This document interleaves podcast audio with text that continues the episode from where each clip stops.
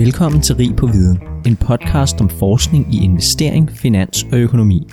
Mit navn er André Thormand. Og jeg er Henrik Rasmussen. I dag er det den 19. i 3. kl.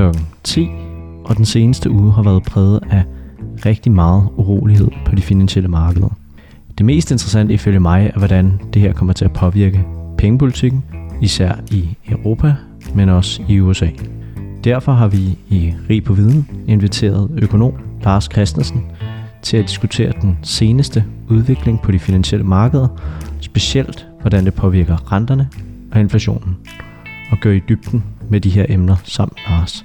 Tusind tak, fordi du valgte med igen, Lars. Du det er en fornøjelse. Jamen, altså, det er jo fantastisk, og øh, jeg har allerede sagt her tidligere i, i podcasten, at det er jo en søndag, hvor jeg lige har hivet dig ind fra en basketballkamp, så ja. du, er, du er helt i stødet. Og... Ja, ja, altså jeg går, øh, jeg, jeg øh, først en, starter morgenen med en, øh, en basketballkamp, og så har jeg en fodboldkamp, jeg skal se i eftermiddag, så, øh, så er det vel passende at lave en... Øh, en podcast in between. Ingen dag uden renter og inflation. Nej, det kan man ikke helt øh, komme udenom.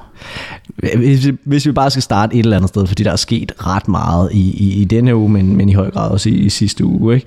Altså, der har været nogle meget store renteudsving. Øh, mener du de her renteudsving et eller andet sted retfærdige, hvis vi skal starte et eller andet sted? Ja, det er de. Øh, det er de på den måde at forstå, at øh, noget af det, jeg bider mærke i, det er øh, markedets inflationsforventninger. Altså, hvor meget hvis vi kigger på det amerikanske tipsmarked, altså inflations, inflationsjusterede øh, øh, øh obligationer, eller øh, inflationsbeskyttede obligationer, så kan vi jo se, at øh, inflationsforventninger i obligationsmarkedet for femårige, femårige øh, inflationsforventninger er altså faldet mere end 50 basispunkter, halv procentpoint over den sidste uge eller halvanden. Og det vil sige, at det fortæller markedet at sådan set, at der er sket en pengepolitisk stramning, og, og, og øh, og, og det fald, det er, det er ret betydeligt. Man kan selvfølgelig diskutere, hvad for et niveau inflationsforventningerne ligger på.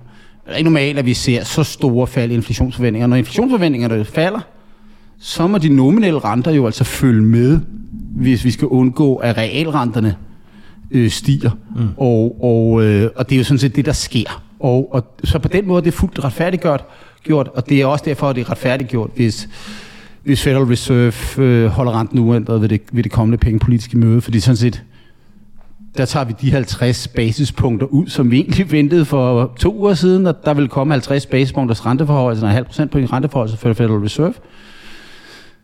Den er sådan set kommet øh, i reelle termer, fordi at inflationsforventningerne er faldet så meget, så vi har fået den pengepolitiske stramning øh, og lidt til. Men tror du, det fald i inflationsforventningerne er færre? Altså bør priserne, øh, hvad kan man sige, pri, øh, priserne ændrer sig så meget på baggrund af nogle ting, som vel i høj grad var, var sat i gang af banker? Man kan sige, at det der jo er udfordringen, når vi får bankkrise, det er, hvordan det spiller ind på makroøkonomien. Og, og, øh, og, og hvis vi sådan skal tage og sige, jamen, hvad, hvad er det egentlig, der sker? Det her, det starter jo med, med Silicon Valley Banks øh, pludselige kollaps for halvanden uge siden. Og øh, det var jo ikke, det var jo ikke lige ventet. Øh, jeg vil nok sige, hvis man havde spurgt mig om, der ville komme øh, øh, problemer den del af bankkæden, så at sige, når man strammer pengepolitikken op, så vil jeg sige, jamen det kommer før eller siden, og jeg vil sige, det der er risikoen, det er, når man drikker en flaske vodka, så er det meget, meget svært ikke at vågne op med en eller anden form for tømmermænd. Og vi har haft en helt ekstrem lempelse af den amerikanske pengepolitik og den globale pengepolitik. Og det har vi jo så brugt 2022 på at få ned flasken igen. Øh, og når man gør det, så kommer det til at opstå problemer. Det kan opstå i pensionssektoren, det kan opstå i banksektoren, det kan opstå i form af højere arbejdsløshed eller andre ting, øh, social uro osv. Men det er svært at forestille sig, at, at, at man hiver den type pengepolitisk stramning tilbage, uden at der sker et eller andet, der går i stykker undervejs. Og det er sådan set det, jeg ser. Så har man jo så også sige, at Silicon Valley Bank på mange måder er en meget speciel historie, og man kan sige, at det er en stor eller en lille bank det var USA's 15. største bank. Øh, der var en, der sagde at den har nogenlunde størrelse som Danske Bank, i for, eller havde. Øh, men det er jo ikke en stor bank i amerikansk henseende.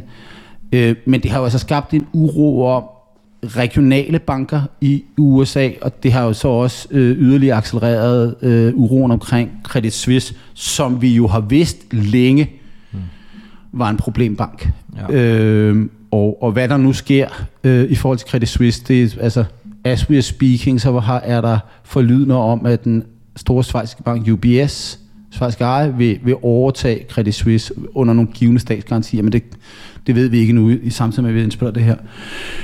Men, men når det her sker, så får det jo en eller anden form for konsekvens i forhold til det makroøkonomiske. Og der, det er der, hvor det bliver, skal vi sige, sådan accelererende, og det var sådan set det, der skete i 2008 delvist. Der er også meget ved det her, der er anderledes end 2008. Det har jeg prøvet at gøre en del ud af sige den sidste halvanden uge. Øhm, men hvis vi lige skal prøve at se på, hvordan, hvad er den makroøkonomiske implikation mm. af øh, finansiel sektorproblemer. Og der, der, er to, der, er, der, der er to implikationer. Det ene er, at, øh, øh, at det vi kalder pengemultiplikatoren, mm-hmm. altså bankernes evne til at skabe penge, den bliver ramt, den falder. Og øh, det gør det, fordi at bankernes udlånsaktivitet bliver mindre relativt til, hvor mange indskud de har. Mm. Øh, og især hvis indskuddene begynder at forlade banksektoren, så må det jo så også få en, en, en, en, en videre effekt i forhold til kreditgivningen.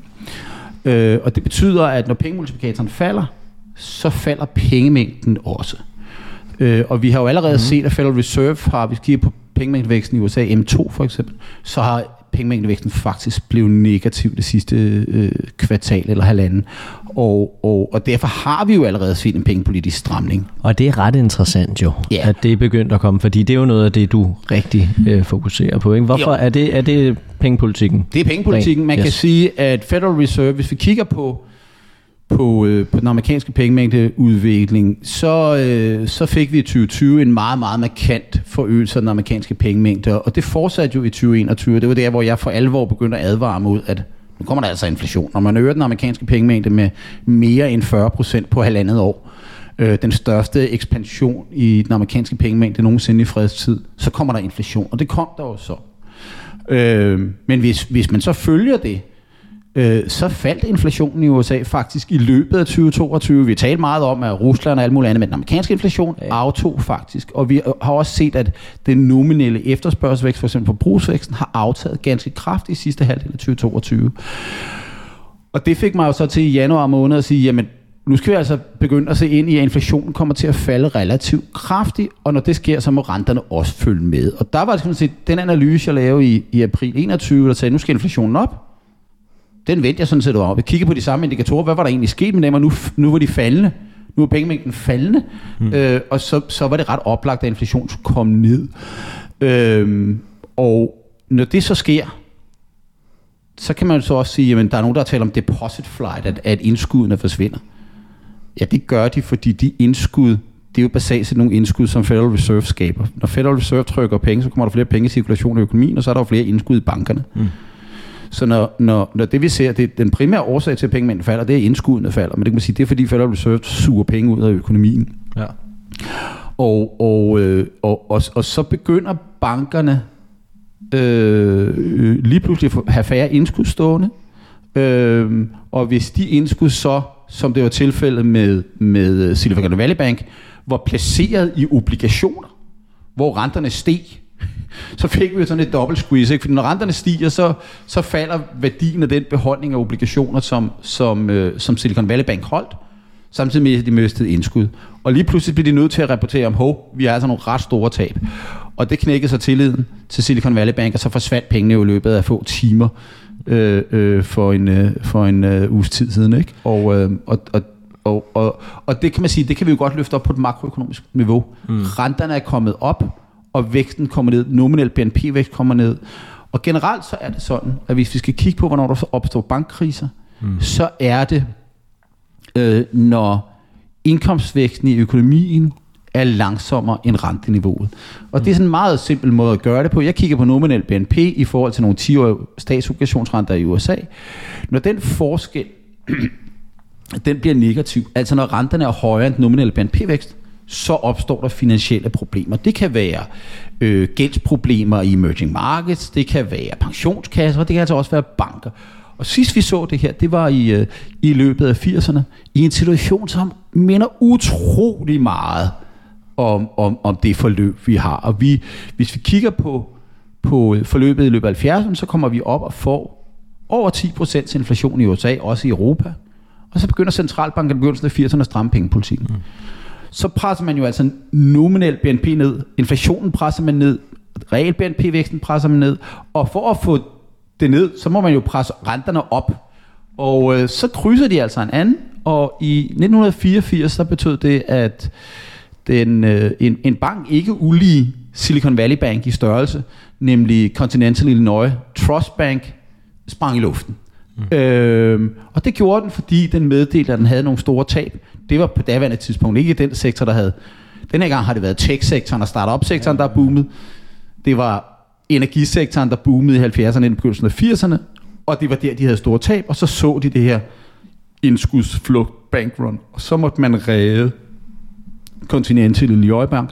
Men det, der måske også er interessant, det var, inflationen var stadig ikke kommet ned, så man holdt stadig en relativt stram pengepolitik. Nominel BNP kom ned væksten, fordi inflationen begyndte, heldigvis begyndte at bevæge sig nedad. Og det betød, at i løbet af 80'erne havde vi i USA en række bankproblemer. Og de bankproblemer knyttede sig til, til det, vi kalder loans and savings uh, crisis, mm. altså uh, i virkeligheden mindre, kan vi sige, sparkasser, uh, regionalbanker. Og hvad er det, vi taler om nu her? Anden runde det her amerikanske regionale mm. banker er et problem, der har været fokus for eksempel på den, der hedder First Republic og andre. Øh, og det er utroligt. Det er næsten som, vi ser 80'erne bliver genspillet. Og det er jo egentlig ikke overraskende. Det, det vi så op til for lempelig pengepolitik, inflation, der kommer op over 10%, og så siger man, okay, nu bliver den her druktur altså nødt til at stoppe. Og så kommer der tømmermænd. Øh, og det gør det jo også vanskeligt for Federal Reserve og for andre centralbanker at sige, hvad gør vi i den her situation? Skal vi stramme pengepolitikken yderligere for at få renten ned? Vi har set den forløb nu. ECB satte renten op med en halv procentpoint. Vi har snart Federal Reserve møde. Skal de sætte renterne op, eller skal de sige, hmm, der er for meget uro? Og det er jo lidt det samme dilemma, som vi havde hen over sommeren øh, 2008, øh, mm. hvis der er nogen, der kan huske det. ECB satte faktisk renten op hen over sommeren 2008. Den anden centralbank gjorde, og Rigsbank i Sverige gjorde det. Federal Reserve havde egentlig sat renterne ned i løbet af 2007, men holdt så en pause over sommer 2008, som eskalerede mm. den finansielle uro. Jeg håber, centralbankerne husker på det her, øh, men det er jo en enorm svær øh, balancegang, mm. fordi inflationen er stadig alt, alt for høj. Men hvis vi presser den for hurtigt ned, så opstår der altså finansielt distress. Og så, øh, så bliver risikoen lige pludselig, at vi gentager 2008. Men det er lidt interessant det her, fordi at, altså, vi kan aldrig lave en podcast, ved når det med dig, uden at sige MV er lige med PY. Præcis. Øh, så, så nu siger jeg det, øh, fordi så kommer du ja. til at sige det på et tidspunkt. Men før den her ja. bankuro skete, ja. så var øh, M2 især begyndt at falde. Altså pengemængden var begyndt at falde. Ja. Øh, så så, så det, det betyder jo allerede inden det her med bankerne kom, skulle man begynde at genoverveje i Der skulle USA, man, de her altså ting, jeg skrev ikke? jo i, i januar, nu, mm. nu var øh, øh, Altså min store held, Milton Friedman, plejer jo at sige, at pengepolitik virker med long and variable lags. Og øh, den empirisk øh, de studier, jeg laver, som jo sådan set hænger meget godt sammen med de studier, vi har lavet de sidste 40 år på, på pengepolitikken, måske 50, er, at, at lagget mellem, at man strammer pengepolitikken, til man kan se det på inflationen, nok er omkring en halvt års tid. Mm. Og, og, øh, og, og, og, når, og når jeg brugte det, det lag, øh, så var det ret klart i, i mine modeller, at nu vil inflationen faktisk fra, fra et par måneder siden af begynde at komme relativt kraftigt ned, og det kommer til at accelerere i den kommende tid. Øh, og derfor også, at på et eller andet tidspunkt, så skulle Federal Reserve vende om. Så skulle Federal Reserve sige, okay, nu har vi strammet nok, nu skal vi normalisere, så at sige. Øh, og derfor skulle man også have renterne ned. Øh, og, og derfor har min forventning også været, at vi skulle have sådan relativt kraftige rentenedsættelser, begyndende fra omkring foråret, øh, sommeren, og så, så gående ind i efteråret. Øh, det altså var ikke, og, i, og i USA skal, skulle man allerede sætte renterne ned fra foråret ja, 23. Altså, ja, altså midten af, midten af året, ikke? godt, så skulle vi nok begynde på de her øh, øh, rentenedsættelser. Øh, og så kan man så sige, jamen, det her har ikke noget med bankkriser at gøre. Altså det var sådan set bare det, vi måtte forvente, at Federal Reserve burde gøre for at normalisere øh, situationen, når pengemængdevæksten er gået helt i stå og faktisk begynder at falde. Mm så går vi jo altså fra et inflationært scenarie til et deflationært scenarie. Mm. Og problemet er, at der bliver nødt til at være negativ pengemængdevækst for at opsuge den der likviditet, der havde været.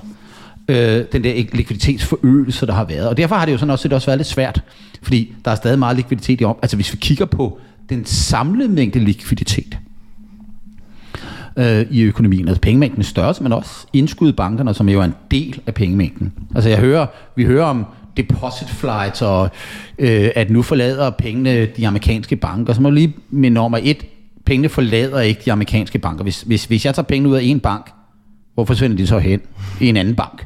Hvis jeg tager dem ud og bruger dem til et eller andet, øh, så kommer de tilbage i bankerne. Pengene forsvinder kun. Det eneste, der kan fjerne penge fra pengesystemet, det er Federal Reserve.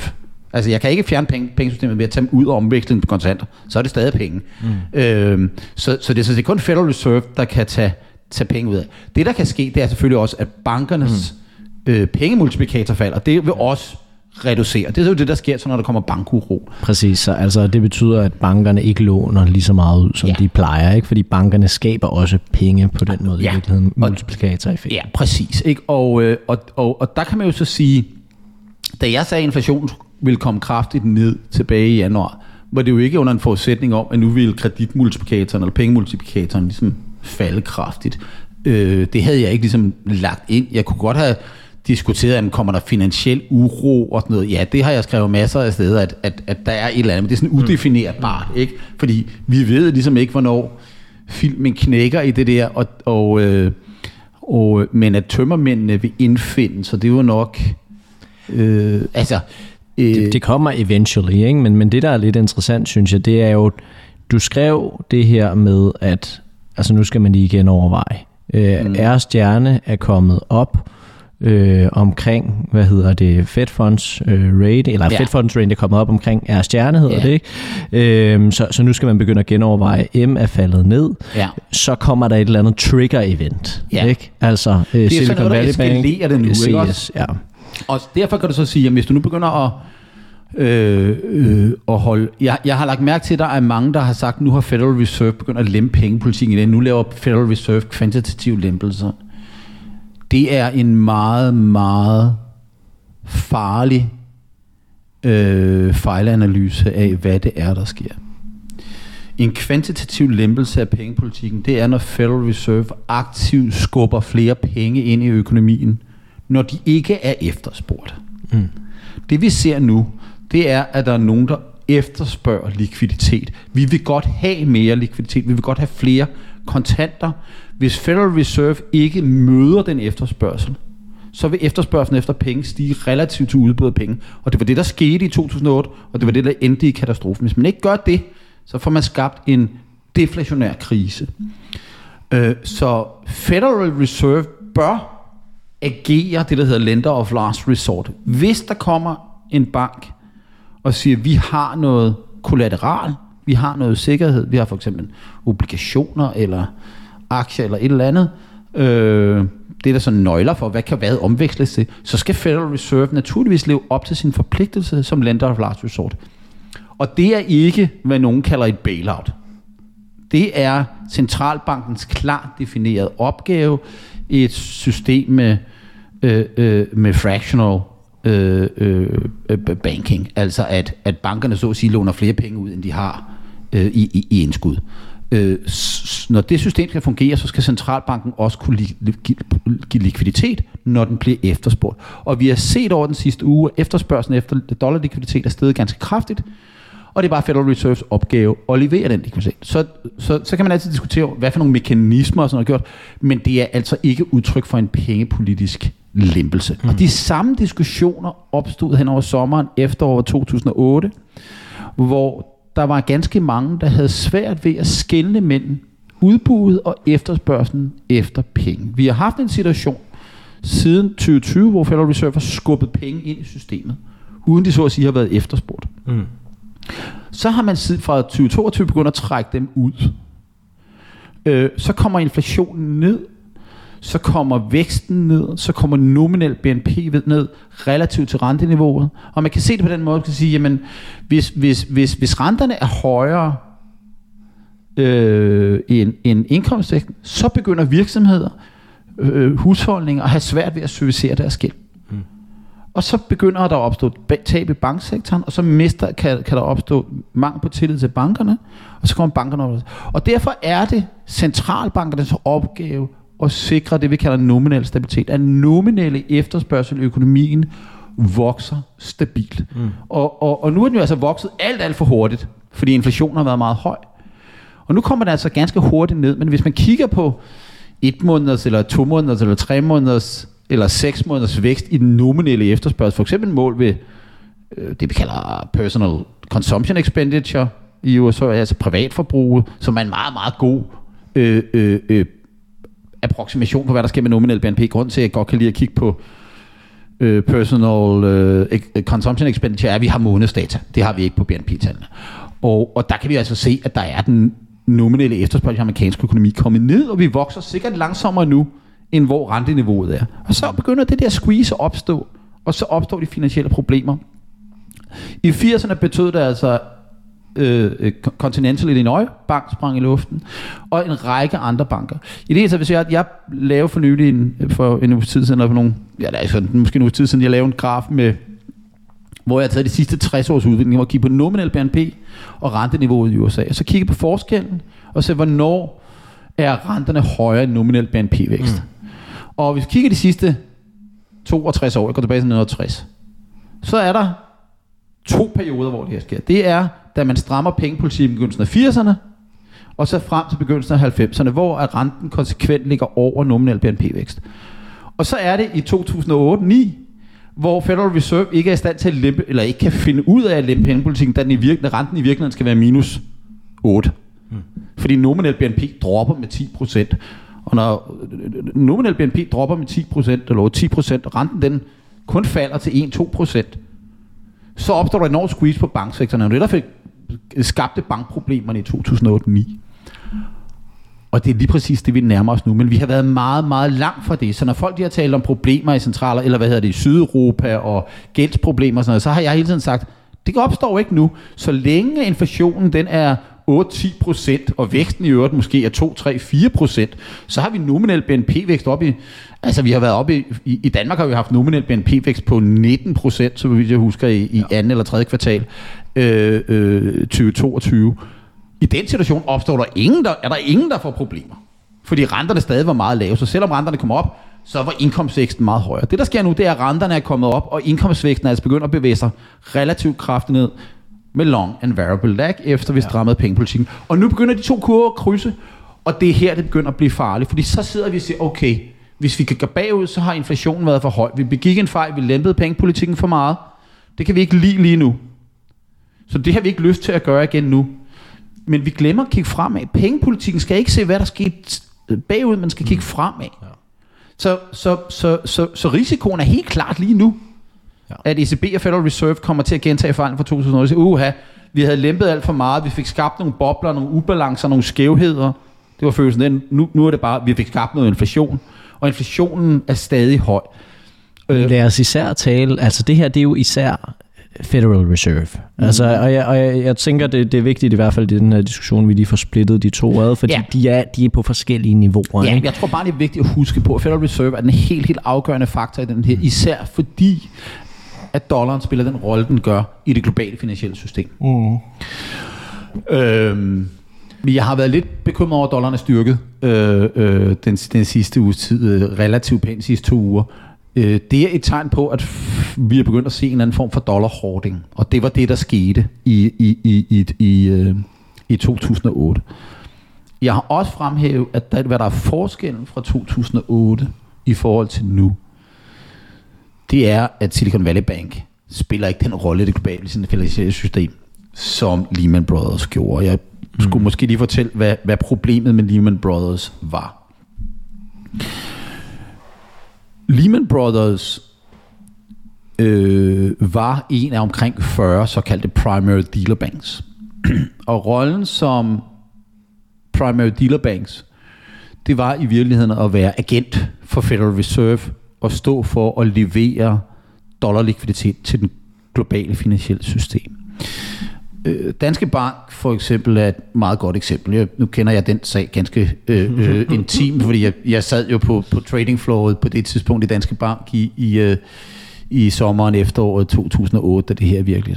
Danske Bank lukkede, så vidt jeg husker, i 2007 sin operation i USA. Øh, det virkede på alle måder fornuftigt, øh, da man gjorde det. Problemet var, at da man havde en operation i New York, en lille operation, så kunne man gå ned til Federal Reserve, og hvis man skulle bruge dollars, så kunne man låne dem af Federal Reserve.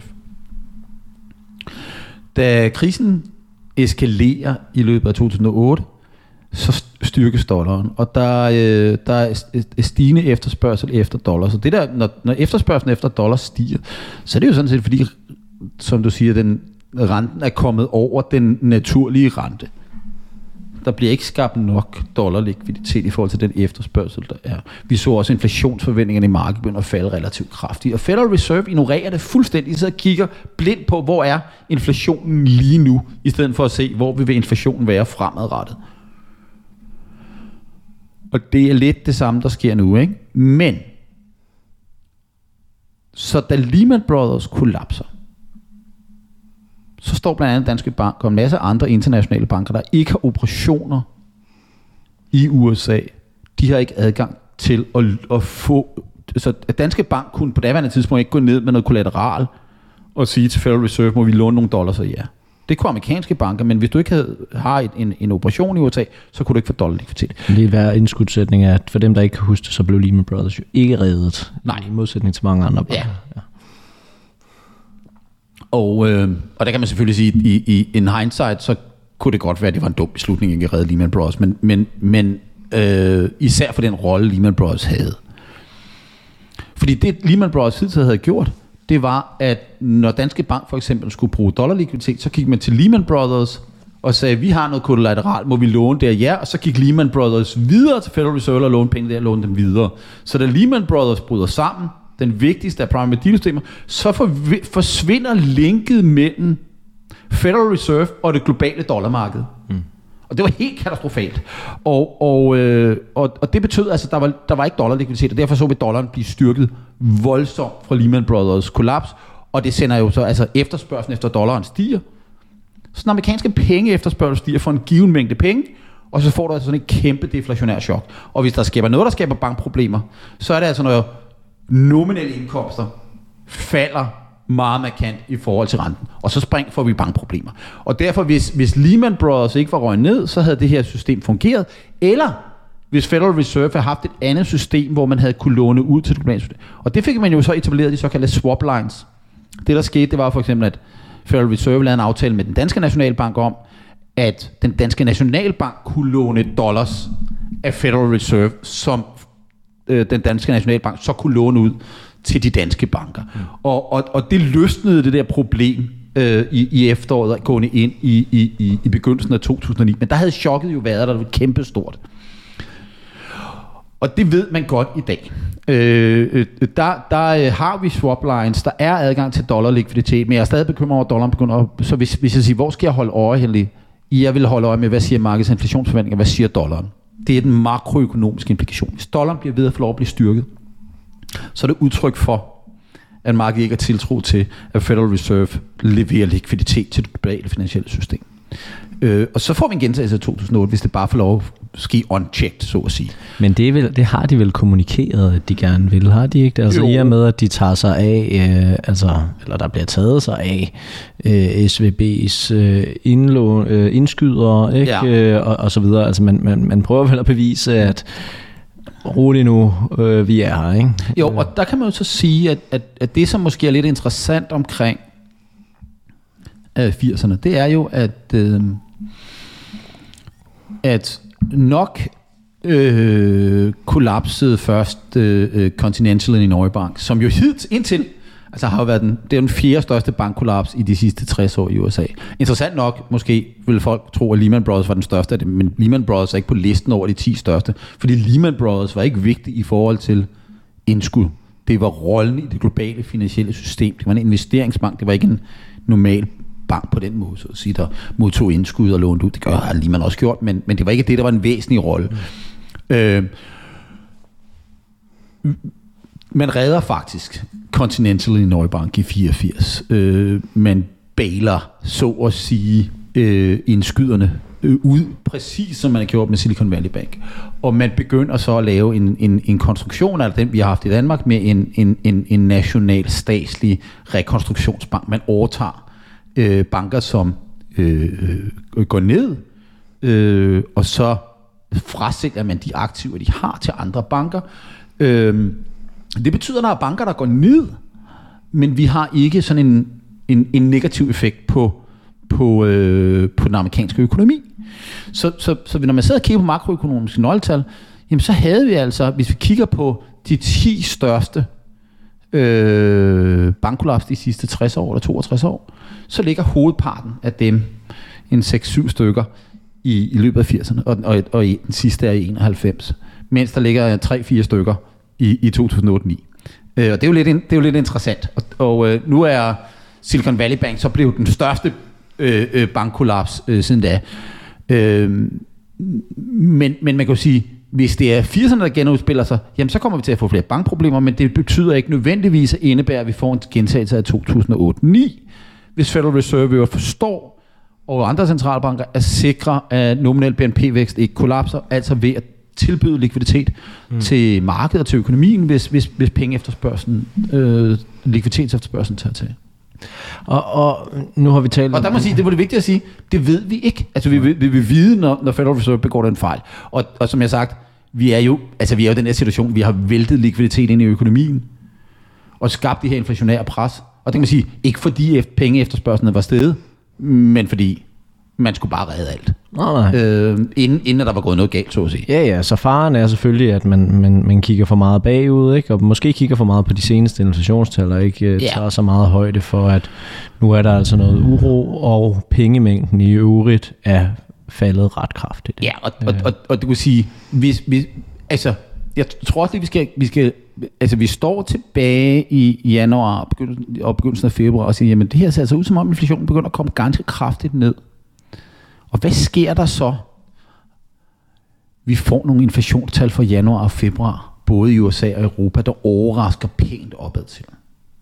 Og jeg må også sige, da de kom, så tænker jeg, hvad er der galt med min prognose? Hvad er der galt med min analyse? Er der noget galt? Og Federal Reserve laver ikke den samme analyse. De sidder ikke og kigger på pengemængdetal. De sidder bare og kigger på faktisk inflationstal og arbejdsløshed. Når inflationen overrasker opad til, arbejdsløsheden bliver ved med at være lav. Og hvad sker der så? Så, så markedet var priset til en renteforhold i slutningen af marts på et kvart procentpoint. Og så kan Federal Reserve Chairman Jerome Powell ud og sige, hey, alle sammen, I skal bare vide, vi tager en halv procent. Vi, vi kører lige op med 50 basispunkter ved næste møde. Det siger han i det amerikanske senat. Dagen efter, dagen efter, springer Silicon Valley Bank i luften. Mm. Og hvorfor? Fordi at banken meddeler, at man har haft store tab på sin obligationsportefølje. Og når, når, når renterne lige pludselig kører op, når Federal Reserve lige pludselig annoncerer, at vi, vi, vi, øh, vi kommer ikke til at korte, eller sæt, sæt, kun sætte renten op med 25. Han siger jo mere end det. Han siger 50 basispunkter, og vi er ikke færdige. Vi er ikke nødvendigvis færdige. Det er efter min mening det, der river gulvsæppet væk under Silicon Valley Bank. Ja. Og så springer luften dagen efter. Og så når vi at vende om. Så altså, vi løbet et par uger havde vi jo altså priser til 25 basispunkters retteforholdelse, så 50, så 25, så nærmest 0, og så nærmest negativ. Ikke? Og, og, og, og, øh, og, og jeg må sige, jeg begynder at tvivle på, om den der renteforholdelse, den kommer. Og jeg er faktisk nok også der, hvor jeg siger, jamen, øh, det vil jeg ikke gøre, øh, hvis jeg var Federal Reserve. Men det, jeg synes, der er vigtigt at også holde fast i, det er igen, det her mente du før, altså nogle gange kan man blive sådan lidt panik, altså nu sker Yes. der et eller andet, altså og, og, og, og så Ja, kommer der en eller anden jeg- nyhed, jeg- ikke? jeg har altså ikke det her, holdning, nej at- præcis, det her det bekræfter sådan set bare din tese ud fra din, din almindelige tankegang omkring pengemængder, øh, som var faldet, ikke? Og, og nu kommer der igen et trigger-event, som gør, at så bør Ja. øh, øh, Fed i højere grad forholde sig til det, end de jeg, nødvendigvis jeg, havde skal, gjort jeg skal før. sige, at, at jeg mener sådan set, det var rigtigt nok, at han skiftede retorik. Mm. Han sagde 50. Øh, men jeg vil også understrege et, et andet problem i, i det her. Og problemet er, at Federal Reserve og mange andre centralbanker kommunikerer i forhold til, hvad det er for nogle instrumenter, de har. Altså, hvad gør vi med, hvor meget kvantitative lempelser laver vi, hvor mange penge trykker vi, eller hvor sætter vi vores pengepolitiske rente. i stedet for at kommunikere i, hvad er det, vi ønsker at opnå. Jeg tror ikke, det er nogen hemmelighed. Jeg siger, jeg synes, det var bedst, hvis Federal Reserve havde en målsætning om at have for eksempel 4% nominel BNP-vækst. Men nu har de altså en 2% inflationsmålsætning. Hvis, hvis, hvis han i stedet for havde sagt, vi sætter den rente, som sikrer den her ting, så havde han ikke, hvorfor skal han kommunikere i forhold til hans instrument? For det er ikke det, der er det afgørende.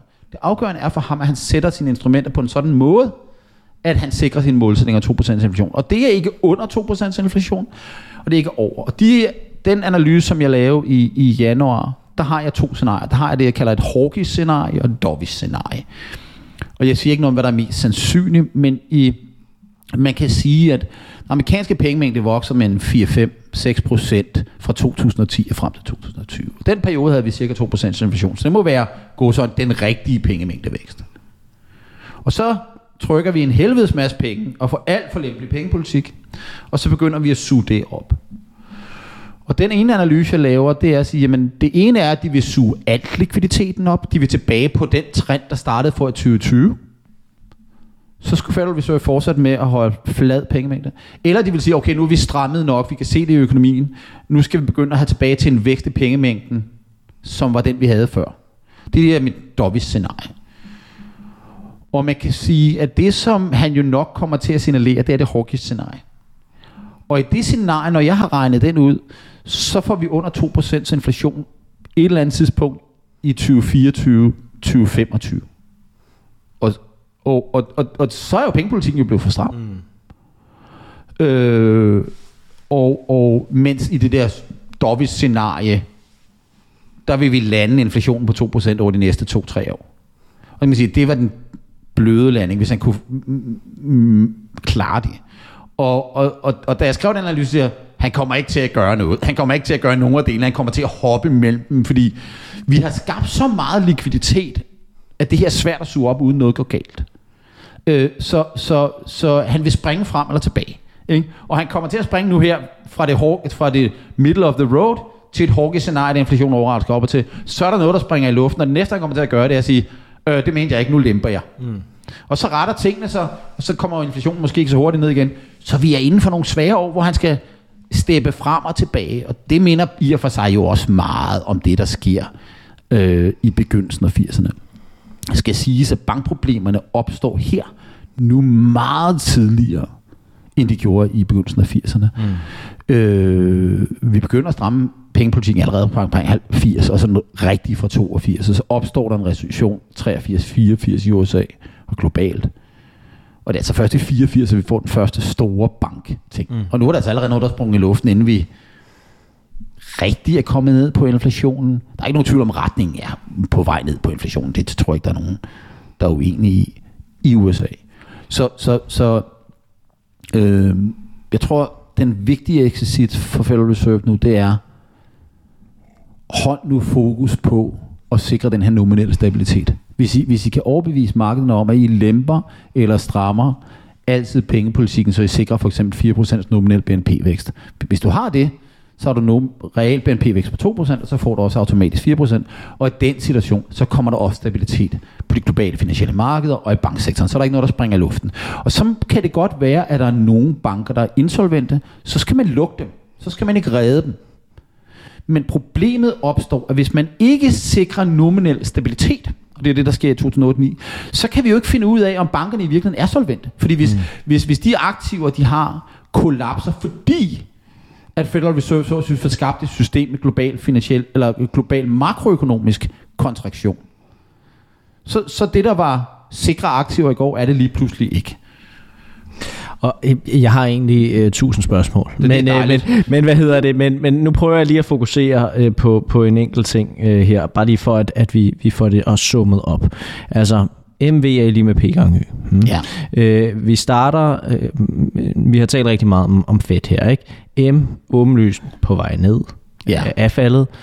V Det er jo penge efterspørgsel, kan man sige. Det er jo residualen på en eller anden måde. Mm. Det er efterspørgselen efter penge, det er kan man omløbshastighed. Det er det omvendte om, af, af, af penge efterspørgselen. Så når ja, penge efterspørgselen stiger, og det kan vi jo se. Hvordan kan vi se, at penge efterspørgselen stiger? Jamen, vi kan se det i markedet. Vi kan aflæse det i markedet. Dollaren bliver styrket. Markedets inflationsforventninger falder. Det er en klar indikation af, at nu falder V også. Så har vi altså både M og V, der falder, og så må det også gælde så, at P gange Y, altså prisniveauet, og realband P, må falde tilsvarende. Okay. Og, og Federal Reserves opgave er jo nu, mm. og hvis i det omfang, at V begynder at falde, så må er det Federal Reserves opgave at øge M, for at så at sige offsette det. Ja. Det var det, man fejlede med i 2008, fordi man var alene fokuseret på, hvad der var sket i går. Man sagde, at der har vi skabt en boble, og der er inflationen også blevet for høj og sådan noget. Og vi sidder lige med det samme nu. Ej, der, der er skabt en tech-boble, der er skabt en start-up-boble, og øh, det må vi gøre noget ved. Ja, ja, det er rigtigt. Det er jeres fejl. Men nu skal I ikke ødelægge det hele en gang til. Og, og, og, og derfor kan man så sige, jamen, har, vi, vi kan jo ende i det øh, horrible scenarie, at Federal Reserve både får skabt inflation og deflation i løbet af en treårig periode. Ja. Fordi at man jo altså træffer en række pengepolitiske fejl, især i 2021, hvor man lader pengemængden væksten fortsætte efter at man jo altså er kommet ud af krisen. Ja, og det, og det, det er en anden ting, altså, som jeg også synes er vigtigt, altså når vi et eller andet på et tidspunkt havner i en eller anden hård krise. Øh, hvis, hvis vi nu gør det, øh, så er der nogen, der kommer til at pege, og især hvis det er bankerne, øh, som der sker noget med, så kommer folk til at pege på bankerne, men måske skulle man pege øh, fingeren et, et andet sted. Altså jeg synes, det er ret åbenlyst, at øh, altså, efter 2008 har vi jo i høj grad reguleret bankerne meget, meget kraftigt. Øh, øh, øh, for eksempel det vi kalder LCR, Liquidity Coverage Ratios, de skal, bankerne skal holde meget likviditet, de skal også holde mange såkaldt sikre aktiver. Det sjove er jo så paradoxalt nok, at de sikre aktiver, det er statsobligationer blandt andet. Men hvad sker der, når man lemper pengepolitikken meget, og renterne begynder at stige? Hvad sker der så? Værdien af de sikre aktiver, den falder. Og så var de sikre aktiver lige pludselig ikke særlig sikre, når Federal Reserve og ECB ikke lever op til deres, deres målsætning om at sikre lav og stabil inflation. Og, øh, og, og, og det er jo præcis det, der sker i den, i den sådan ekstreme form i Silicon Valley Bank. Ja. Altså jeg vil sige, at alt tyder på, at Silicon Valley Bank har, har truffet nogle helt, helt vanvittige beslutninger ja, ja, ja. i forhold til risikostyring. Øh, jeg tror, hvis man kigger på de danske banker, så, så er det der er min klare opfattelse, at de danske banker har afdækket den såkaldte risiko, renterisiko. Så når du bliver bedt om at holde en masse obligationer, så siger man, okay, jeg køber lige en, en, en, en, en, en forsikring på, at renterne ikke må stige ordentligt. En laver det, vi kalder en hedge. Ikke? Ja. Øh, så hvis man ikke har afdækket den renterisiko, så skal vi sige, det, det er danske banker nok relativt gode til, fordi danske banker opererer meget, meget tæt på det dan- meget, meget store danske realkreditmarked. Så danske banker er meget, meget velbekendt med renterisiko, både op og til og ned og til, i forhold til, hvad det betyder for, for bankernes balancer. Men det er klart, at hvis hele det finansielle system måtte fryse til, så er de, de danske banker jo også potentielt set i problemer. Men, men, men jeg, jeg, jeg synes ikke, vi er i 2008-9. Jeg synes, vi er i, i 80'erne, hvis vi nu kigger på de absolute bevægelser. Og det er også nogle gange det, der mm. sker. Uha, nu sker det her. Træd lige et skridt tilbage. Præcis. Lad os lige se på nogle niveauer. Lad ja. os se på, hvor, hvordan bankerne ser ud. Lad os se, hvor økonomierne er. Men, men det er klart, at, at, at der er ikke, vi kan ikke tillade noget at springe i luften. Mm. Et stort chok. Øh, jeg synes ikke lige, at der er en Lehman øh, Brothers derude. Øh, men, men hvis vi så skulle bevæge os til Europa, så er jeg da bekymret over øh, de offentlige finanser i Europa. Øh, og det er klart, at hvis, hvis væksten aftager, så bliver der ved at være offentlige finansproblemer. Et land som Tyskland har bestemt ikke nær så sunde offentlige finanser, som en masse mennesker har gået og fortalt sig selv. Og det har jeg advaret ganske meget over de sidste par år, at Tyskland ser meget, meget værre ud, end vi måtte, end mange mente. Og, øh, og, og, og det er klart, at, at, at det vi har set på energiområdet og alt det her har ramt Tyskland rigtig, rigtig hårdt. Men lad os lige, øh, apropos det, det er en god bridge til, til ECB, fordi det synes jeg også er vigtigt lige at, at få talt om. Ikke? Jo. Det er trods alt her, vi bor, selvom at det er, den ledende er over i, ja. i, på den anden side af landet. Men, men hvis vi nu tager igen, ja. MV er lige med P gange Y i Europa, ja. eurozonen. Hvordan ser det så ud?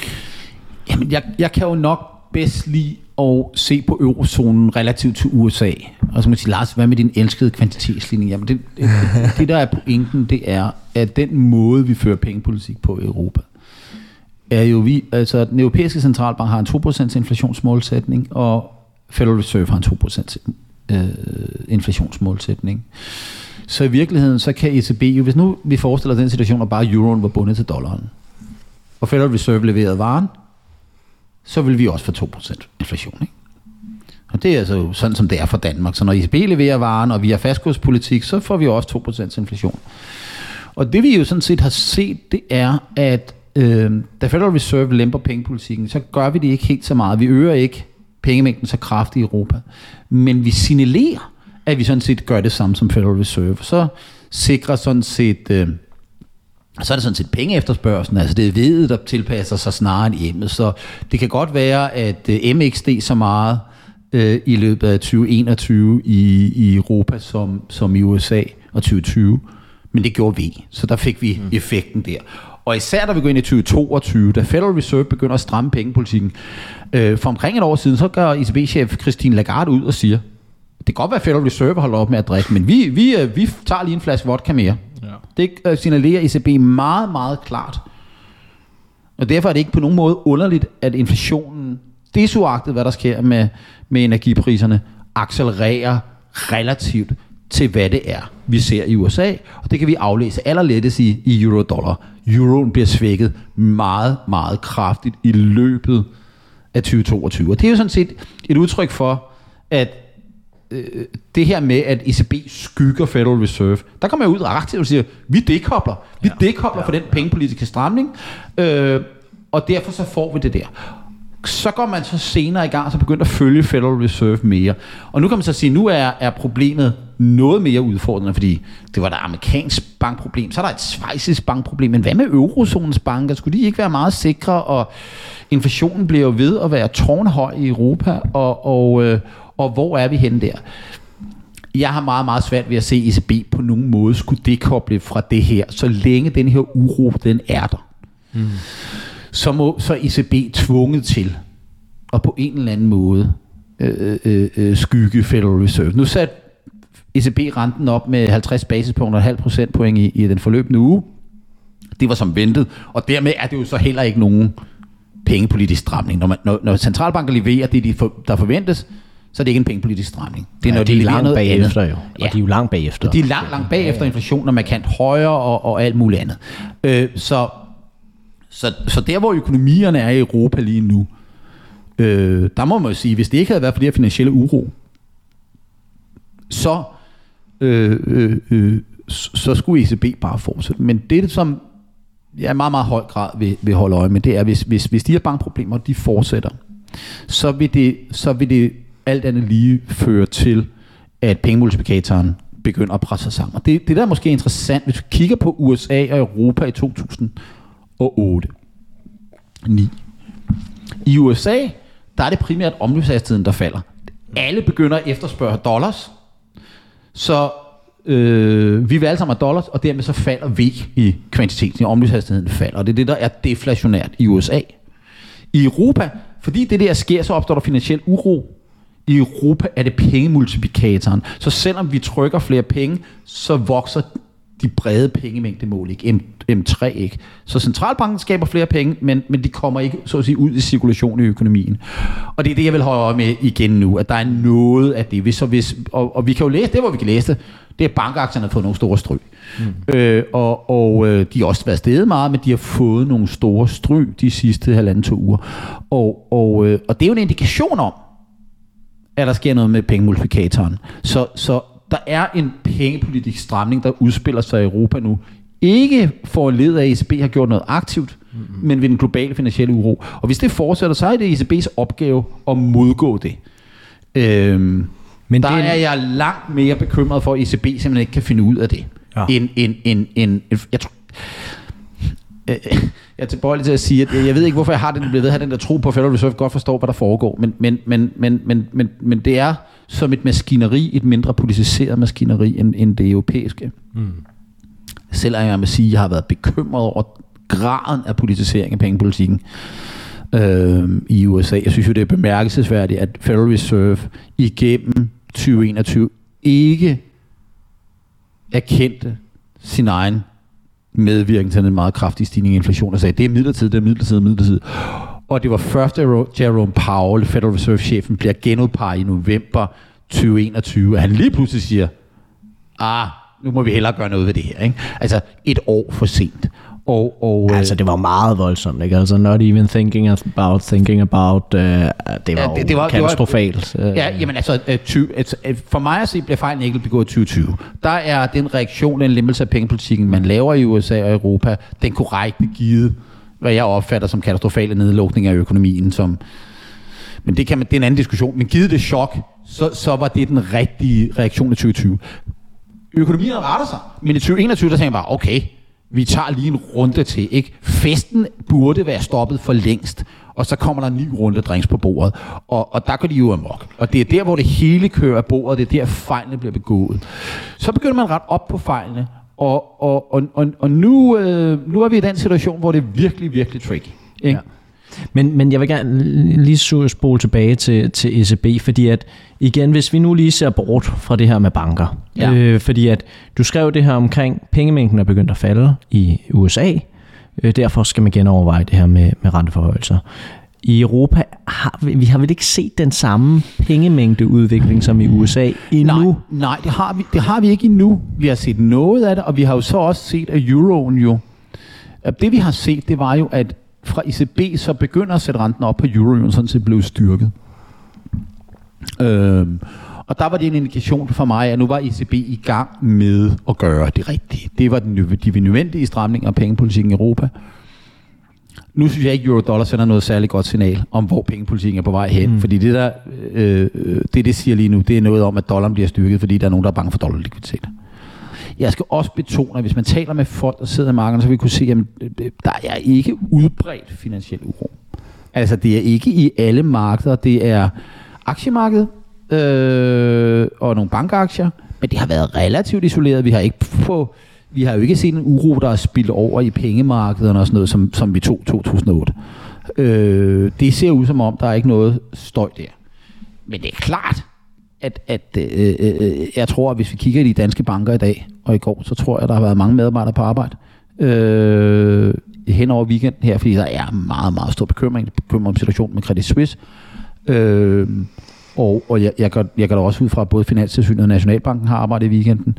Øh, I hvert fald med at holde øje med situationen. Øh, jeg håber, landets erhvervsminister forstår situationens alvor.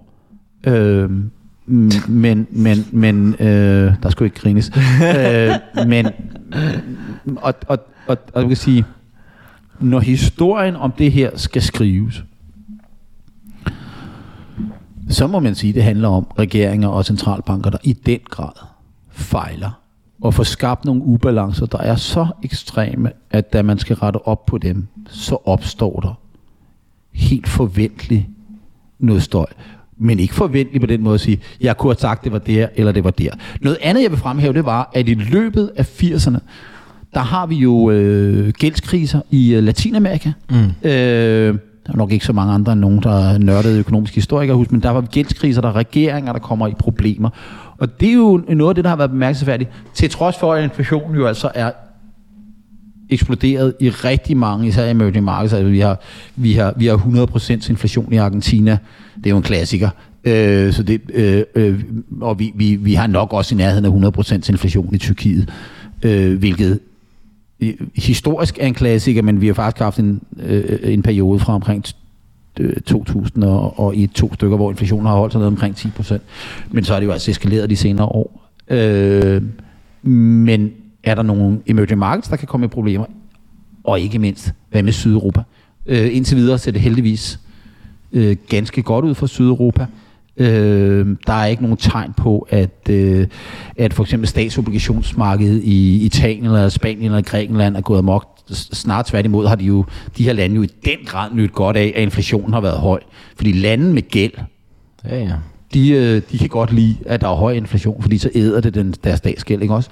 Og, øh, og det er så en del af problemstillingen også. Ja, ja, det er, at der har været politisk pres på, at det er sådan set meget godt, det her. Ja, ja. Og, og, og, og tyskerne, som jo ellers tidligere var modstandere af det her, har haft den samme interesse. Øh, så, så, øh, og derfor kan man jo også diskutere, øh, i den her uge har Nationalbanken kommet ud med en prognose, hvor man siger, at inflationen kommer nok til at komme relativt kraftigt ned nu på grund af noget med nogle fødevarepriser, men så kommer den op igen og forbliver over 3% helt til udgangen af, af 2025. Altså, at man siger, at ECB kommer ikke til at leve op til deres målsætning. Det har jeg øh, gjort mig lidt sjov på går, været lidt ude med riven over for Nationalbank om at lave prognoser, som indebærer, at ECB sådan set ikke leverer på sin målsætning. Når det så er sagt, så mener jeg, at det er en rigtig prognose. Altså, øh, på den måde, altså i hvert fald øh, øh, 2024-2025, inflationen kommer til at være over 2% i, i det scenarie. Det kan man så sige, med mindre altså, at vi får en gensættelse i 2009, hvor vi får omfattende globale bankproblemer. Mm. Og det vil sige, det er alt for hurtigt. Jeg kan godt høre alle pessimisterne og øh, alle dem, altså dem, som råber bankkrise og hyperinflation i det sociale, sociale medieverden af økonomisk analyse. Øh, de råber det jo hele tiden. Altså hver gang der er et, et, et aktiekursfald på halvanden procent, så er det næste, at verden bryder sammen. Det ved vi simpelthen ikke. Det kommer til at afgøre det fuldstændig, i hvilket omfang centralbankerne begår fodfejl. Men situationen er sådan, at risikoen for fodfejl er jo stedet ganske kraftigt. Og det, det er meget news-driven, og, og, og, og derfor, altså det er også derfor, jeg gerne vil tage tilbage til the fundamentals på en eller anden yeah. måde. Så jeg bliver ved med at... Og, og M gange V vil blive gang Y. Præcis. Og, det, og, og, og, og, igen, og det er det, jeg vil bare gerne have slået det fast med, med syv tommer søm på en eller anden måde, øh, for, for forståelsen her. Hvis man kigger på M gange V for tiden, alle de ja. indikationer, vi nu engang har, ser bort fra bankkriser i Europa, så kan man vel sagtens forestille sig et ECB, der fortsætter med at hæve renterne, ja. til trods for, hvad der sker i USA. over i USA. Ja, altså hvis, hvis vi, vi kan sige... Hvis og vel ret kraftigt. Ja, altså det er jo ikke... Øh, altså jeg, jeg synes da ikke, at vi kunne udelukke, at, at vi, vi på et eller andet tidspunkt... Hvis, hvis det her ikke var kommet, øh, var kommet en situation, hvor Federal Reserve var begyndt at sætte renterne ned, øh, øh, måske efter sommerferien. Nu kan det komme før øh, eller i hvert fald var begyndt at signalere det, og ECB blev nødt til at holde renterne oppe, og de på et eller andet tidspunkt ville have krydset hinanden øh, i løbet af det næste halvandet år. Det ville have været en meget naturlig situation, givet de forskel i, hvor de var i den pengepolitiske cykel.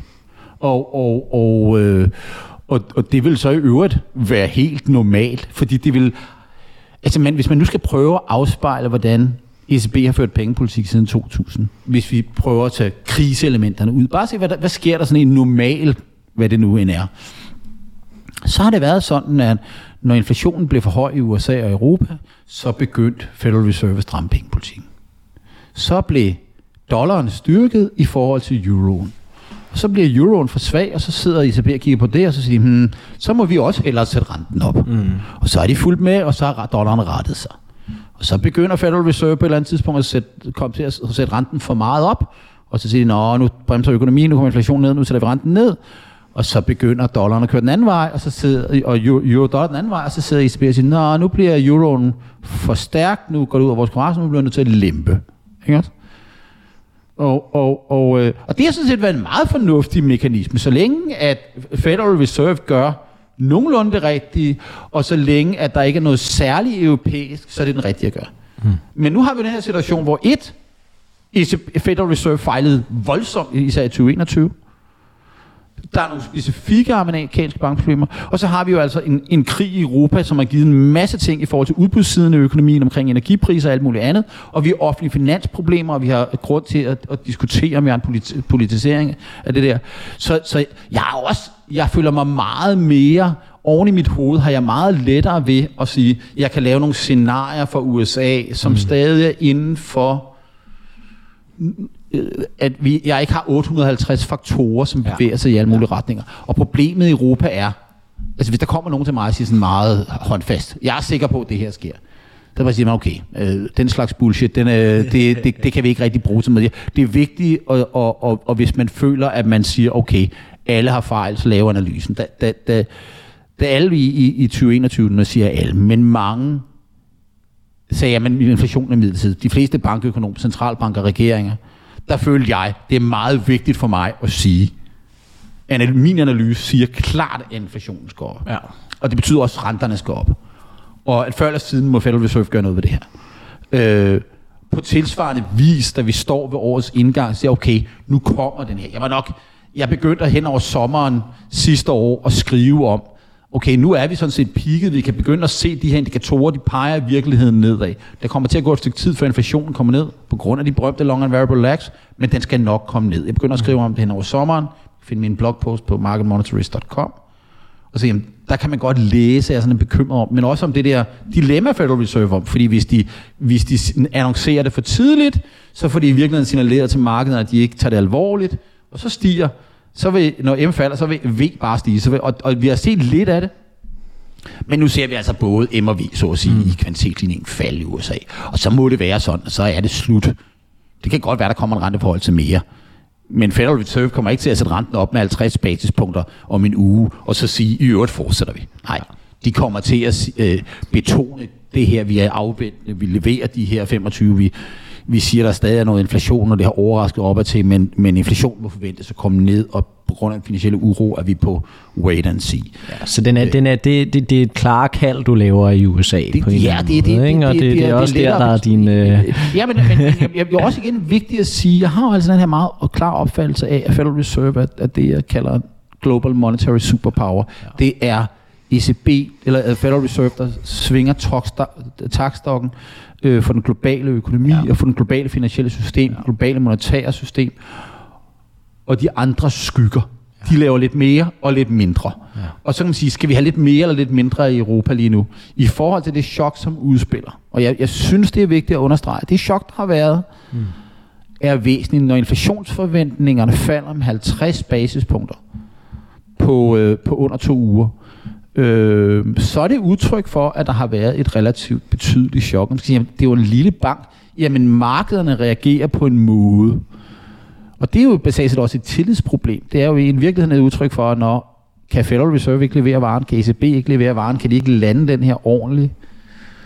Øh, og der er det vigtigt for Federal Reserve og ECB at få løst det her. Jeg kan godt tænke mig lige at nævne diskussionen om bailouts. Øh, fordi vi, sige, vi har jo nogle diskussioner om, skal vi redde banker? Og øh, den, den store problemstilling er, at det gør vi altid. Vi, vi redder banker, der kommer i problemer, hvad enten det er deres egen skyld, eller udefrakommende begivenheder. Og det er problematisk, fordi så får vi så kaldt moral hazard problem. Fordi så, hvis vi redder alle, også dem, der gør noget dumt, så opmuntrende banker til at gøre noget dumt.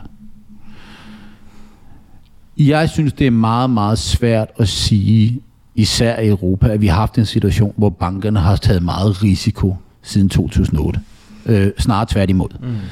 Vi har opbygget meget, meget betydelige kapital- og likviditetsreserver i det europæiske banksystem.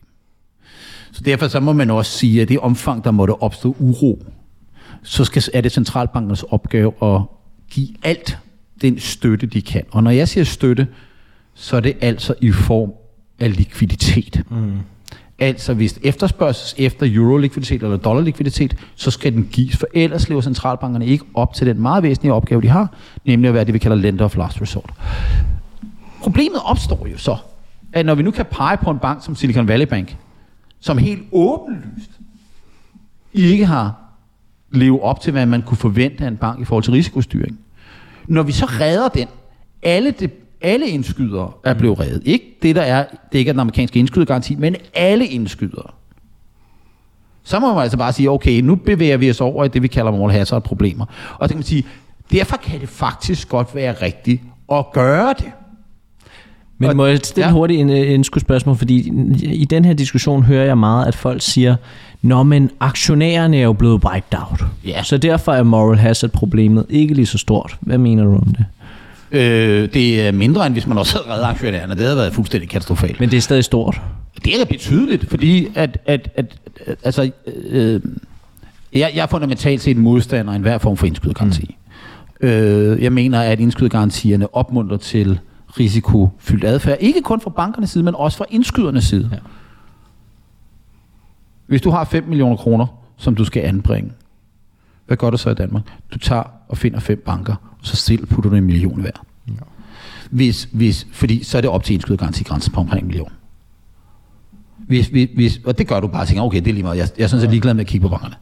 Vi havde 5 millioner kroner, der ingen indskydergaranti var. Så ville jeg tænke mig betydeligt mere. Så ville jeg selv lave en due diligence på de banker, hvor jeg skulle placere de penge. Mm. Og, og, og, og, og derfor bliver det markedets opgave og hele tiden, altså vi, vi sætter jo markedet ud af spil, når vi har indskudgarantier. Så kan man sige, at vi er nødt til at have indskudgarantier, så vi ikke lige pludselig tilliden forsvinder. Ja, det kan man jo diskutere. Jeg vil sige, det er her ikke tidspunktet, hvor vi skal diskutere indskydergaranti. Altså, fordi nu er der nogen, der har truffet beslutninger baseret på, at det eksisterede. Men vi så jo tilliden forsvinde. Altså, bankruns kom jo lige pludselig tilbage på nem, nem i, nem, hvad hedder ikke, nem i det i netbank, ikke? Ja. Så begyndte folk bare at overføre pengene øh, til sikkert lige omkring øh, loftet for den indskydergaranti, før alt blev reddet, ikke? Jo. Øh. Og, og øh, altså, øh, det, øh, jeg vil sige, det der jo er problemstillingen, det er, at mikroøkonomisk, så skal vi ikke redde nogen. Mm. Øh, og vi skal slet ikke redde nogen, der har udvist øh, betænkelig adfærd i forhold til risikostyring. Men modsat, så er der en makroøkonomisk konsekvens, som vi også skal tage hensyn til. Og derfor kan man sige, at basalt set, så burde arbejdsdelingen være følgende. Du har et finanstilsyn, som sørger for, at den regulering, der er, den bliver overholdt så har du en centralbank, som egentlig overhovedet ikke burde blande sig i, hvad banker gør. Andet end at sige, vi låner, ja, vi, vi kan stille likviditet til rådighed, hvis de kommer med noget sikkerhed. Og der skal reglerne være ret faste. Øhm, og så kan man sige, jamen, så må markedet sådan set bare håndtere resten. Øh, det gør vi jo i praksis ikke. Der, der, slet ikke i USA her kan vi jo altså bare se, nå okay, øh, øh, øh, alle indskyder blev reddet. Og så må jeg sige, okay, det, øh, var det rigtigt? Øh, jeg synes ikke, det er kønt. Jeg synes på ingen måde, det er kønt. Øh, jeg tror ikke, det var sket i Danmark. Eller det var ikke sket i Danmark. Vi har i Danmark har vi heldigvis en ret god tradition for at sige, altså hvis du ikke har tænkt dig om, når du har placeret penge i en bank, som er risikofyldt, så må du betale regningen. Og, og, og, og, og det er danskerne relativt bevidste om, og derfor så gør danskerne det ikke i noget stort omfang, vel? Øh, ja, for der var ret mange lokale banker, der gik konkurs under finanskrisen, ja. ikke? Altså Amagerbank, Roskilde ja. Bank. Øh, og, øh, og jeg er ikke et sekund i tvivl om, at i Danmark, der vil øh, Finanstilsynets indstilling være, øh, at øh, hvis det her sker i Danmark, så kommer der ikke til så kommer Finanstilsynet ikke aktivt med til det der. Det betyder så ikke, at man bare lader banker gå ned. Det kunne jo for eksempel være, vi så det tilbage i begyndelsen af 90'erne med, med, med Bornholmerbanken, hvor man lavede en rekonstruktion af banken, hvor banken var ved at gå ned, men hvor der var nogle store banker, der kommer ind og overtager. Det er jo så det, vi måske ser med Credit Suisse, at løsningen bliver så, at øh, en større bank kommer og overtager den mindre bank. Og det kan også meget vel være tilfældet med nogle af de banker i USA, regionalbanker, som er i problemer, kan blive overtaget af nogle af de større spillere i det amerikanske bankmarked, med mere eller mindre eksplicite garantier for nogle indskud eller et eller andet fra staten af. Øh, og man må bare sige, det er, det er ikke kønt at se på det her, vel? Altså, øh, øh, og, og, øh, men det er også klart, at øh, øh, vi er i en helt ekstrem situation, givet den inflation, der er skabt og, og den minder om 80'erne. Men igen, inden vi går i fuldstændig depressionsmode, og det gentager sig i 2008, så synes jeg, det er alt for tidligt at sige, at det gentager sig i 2008. Jeg synes, der er meget mere, der minder om, om, om 80'erne. Og det betyder, at de makroøkonomiske konsekvenser ikke nødvendigvis bliver så negative som, som 2008-2009. Øh, men at, er der flere banker, der kommer til at lukke? Både i Europa og USA? Ja, det er en del af de nødvendige tømmermænd for, at vi har ført en forlempelig pengepolitik. Øh, jeg synes ikke, det er på nogen måde fedt, og jeg, altså, jeg, jeg, altså, det her er ikke sådan en eller anden... Øh, protestantisk kaldsetik om, at det skal gøre ondt, for at det bliver godt og sådan noget. Den, den måde skal man ikke føre økonomisk politik på, og de er syndet, og de skal straffes, og vi skal mm. bare arbejde hårdere, og nogen skal tabe nogle penge, og nogen skal græde og blive hjemløse. Nej, det her det handler om, at vi skal sikre en balancegang mellem at føre en rigtig pengepolitik og føre den rette bank- og reguleringspolitik. Øh, og hvis, hvis, hvis man i virkeligheden sørger for, at arbejdsdelingen er klar, at centralbankerne sørger for at levere nominel stabilitet, for eksempel nominel BNP-vækst på 4% i USA, som giver os 2% inflation, og så man overlader til de finansielle tilsyn at sige, hvem overholder reglerne, hvem overholder ikke reglerne, øh, og at vi så har en bankrekonstruktion. Hvis der er nogle banker, der måtte komme i problemer, så bliver de overtaget. Mm. Det, der ikke kan, kan, kan dækkes inden for indskydergarantien, det, må tage, det er tabt. Aktionærerne, de skal fuldstændig tabe alle deres penge. De, de kunne bare lade være at investere i noget usikkert. Øh, sådan er det. Det er vilkårene. Øh, de skal naturligvis ikke reddes. Så går det ikke slemt. Og det er basalt set det, der skete i 80'erne. Der var en relativt klar arbejdsdeling om, hvem der gjorde hvad. Der, der, der var ting i det, der ikke var kønt. Men, men, men, øh, men øh, øh, øh, og der er nogle diskussioner, som ikke blev taget osv., men, men basalt set var det sådan, at man havde en, en statlig rekonstruktionskonstruktion, hvor man sagde, at vi lukker nogle banker, øh, staten overtager dem, reprivatiserer dem, så at sige, øh, og, så, øh, og så fører vi pengepolitik, der sikrer, at inflationen kommer gradvist ned mod 2%. Og, og, og det bør vi også gøre i det her tilfælde nu. Jeg, jeg ser tegn på, at amerikanerne svinger frem og tilbage. Ikke? Mm. Nu redder vi alt. Ja. Vi redder Bear Stearns, og vi lod Lehman gå ned. Problemet var, at der var ikke konsistens i det, vi gjorde. Problemerne var, at vi havde ikke regelfølgende adfærd. Øh, og det var meget, meget hurtigt her, at vi ser Federal Reserve og den amerikanske regering smide regelbogen væk. Det har desværre været det, der har været det gennemgående i den økonomiske politik i Europa og Nord- Nordamerika de sidste tre år. Vi har smidt regelbogen væk. Ikke? Der, det der med at sikre balance på de offentlige finanser og nedbringe gælden, og alle de her fine ting, vi har i EU-regler om, væk med det. Vi suspenderede inflationsmålsætningen, væk med det. Øh, vi suspenderede også grundloven, øh, væk med det. øh, og når vi gør det, så bliver verden totalt og aldeles uforudsigelig. Ja. Øh, og, og, og, og der er sådan et element af, uh, when in trouble, double. Øh, og øh, det plejer vi da at sige, det er noget dumt noget, der er nogen, der gør i den finansielle sektor. Men det er jo det, vi har set på den økonomiske politik de sidste tre år. Og, øh, men men, men jeg, jeg må også sige, at jeg, jeg har det meget, meget svært med de her reflekter, ureflekterede ting. Det skal bare have lov at gå ned, eller øh, det skal bare have nogle penge, vi skal redde det. Øh, lad os nu finde regelbogen frem. Der er faktisk masser af forskning i det her. Der er faktisk nogle regler, der overordnet sig. Vi har i Danmark historisk været ret gode til at håndtere det her. Øh, og det har svenskerne sådan set også, men, men, men amerikanerne fejler ofte. Det vil sige, en, en ufortalt ting, som vi kunne lave et helt program om, det er politiseringen af det amerikanske finansielle system.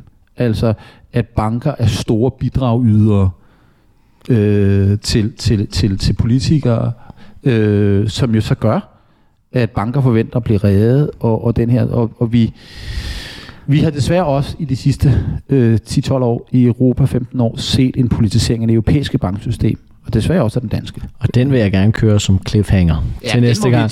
Fordi at jeg vil egentlig gerne øh, slutte på det her med regelbogen og sige, øh, lad os få regelbogen frem igen. Og øh, tusind tak, fordi du var med, Lars. Øh, du skal til fodbold, jeg skal på besøg i Vridsløs Lille Statsfængsel. Ja, forhåbentlig. så, det er bare rundtur, men, øh, men tusind tak, fordi du var med. Det var, det var virkelig tak. spændende. Tak for, at du lyttede med til Rig på Viden. Jeg håber, at du lærte noget, og hvis du nu synes godt af vores podcast, så kan du støtte os ved at følge den på Spotify eller skrive en anbefaling på iTunes. Inden på LinkedIn, der kan du følge André Thormand, Benjamin Somofen eller Henrik Fode Rasmussen. På genhør.